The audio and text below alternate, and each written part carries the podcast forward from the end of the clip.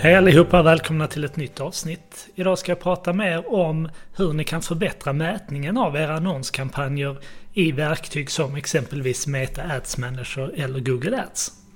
Så många företag mäter idag antalet konverteringar och oftast då den huvudsakliga konverteringen som man vill att kunden ska genomföra. Exempelvis ett köp eller en förfrågan. Då tittar man vanligtvis också på nyckeltal som antalet visningar, antalet klick, CTR och kostnad per konvertering. E-handlare tittar också på andra nyckeltal, exempelvis transaktionsvärdet och return on ad spend. Och det här är en väldigt bra början om det är så att ni inte mäter resultatet av er digitala närvaro idag. Men för de företag som har kommit en bit på vägen och regelbundet följer upp de här nyckeltalen så finns det emellertid saker man kan göra för att förbättra mätningen genom den hela så kallade tratten.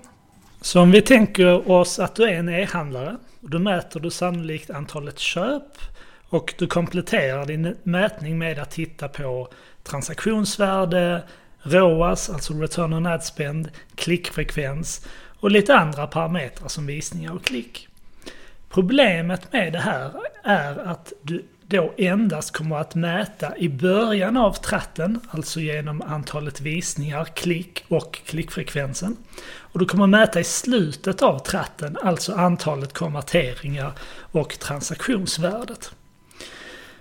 Så att det du vill göra här är att hitta ett sätt där du kan mäta genom hela tratten, alltså genom kundens hela köpresa. Så det du vill göra här är att hitta de här nyckeltalen som kan kopplas till de olika aktiviteter som kunden gör när de går igenom köpresan. Så det här kan vara antalet visningar, antalet klick, klickfrekvensen, antalet produktvisningar, hur stor andel av visningarna som leder till produktvisningar. Du vill mäta hur många som lägger någonting i varukorgen. Och du vill mäta hur stor andel av visningarna som leder till att någon lägger en produkt i varukorgen. Och såklart antalet köp. Men du vill även se hur stor andel av de som har lagt något i varukorgen som slutför sitt köp. Och sedan då som sagt transaktionsvärde, ROAS, return on investment och så vidare. Och det här gör då att du får mer data i exempelvis då ditt annonskonto på Meta som gör dels att du kan finjustera din, dina kampanjer på ett bättre sätt.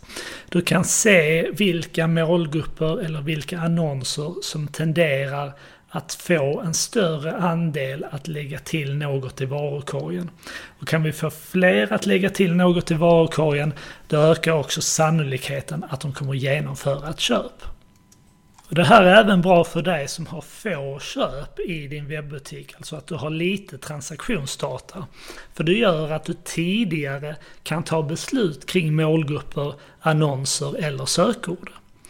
För skulle du se att du, har, du startar en ny kampanj eller du testar en ny målgrupp, då behöver du inte vänta på att det kommer in transaktionsdata utan du har ett antal nyckeltal som du kan börja titta på för att göra en bedömning. Genererar den här målgruppen produktvisningar till en låg kostnad? Eller kan jag se att en hög andel av de som lägger någonting i sin varukorg faktiskt slutför sitt köp? Samma tänk är relevant om du exempelvis representerar ett business-to-business-företag. Och då kan du börja med att fundera igenom vad som kan öka sannolikheten att en kund hör av sig och gör en förfrågan. Det kan då exempelvis vara att de spenderar x antal minuter på en produktsida. Det kan vara att de laddar ner en produktbroschyr.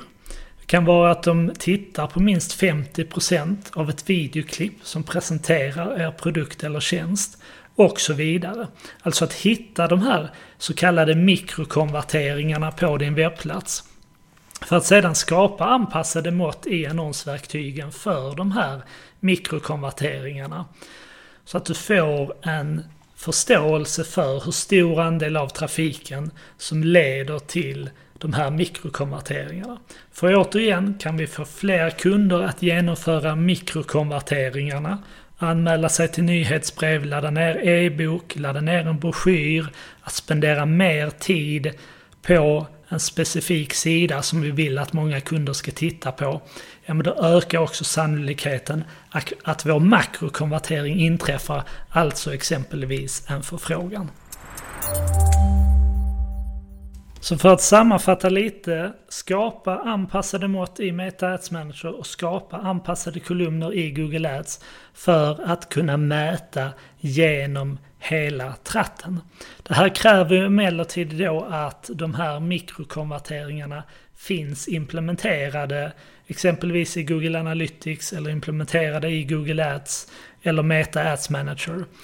Har du inte kunskap om hur det fungerar och hur man gör det så prata med din webbyrå eller prata med er digitala samarbetspartner så ska de kunna lösa detta. Du är också välkommen såklart att höra av dig till mig eller oss på Nivide så kan vi hjälpa er att få det här på plats. Och även ge rådgivning kring vad som kan vara relevant för er att mäta på just er webbplats. Jag kommer att prata mer om eh, hur man skapar anpassade mått i Meta Ads Manager och hur man skapar anpassade kolumner i Google Ads i kommande avsnitt. Men börja med att fundera igenom vilka är de här mikro och makrokonverteringarna som är relevanta för oss och hur kan vi sätta upp de här måtten så vi har en möjlighet att inte bara mäta i början av tratten, alltså antalet visningar, klick, och inte bara heller i slutet av tratten antalet köp, utan vilka konverteringar vill vi kunna mäta och se däremellan. Vill du ha mer tips och inspiration så bläddra gärna igenom poddarkivet. Kolla gärna också in de kommande utbildningarna som jag kommer ha under hösten.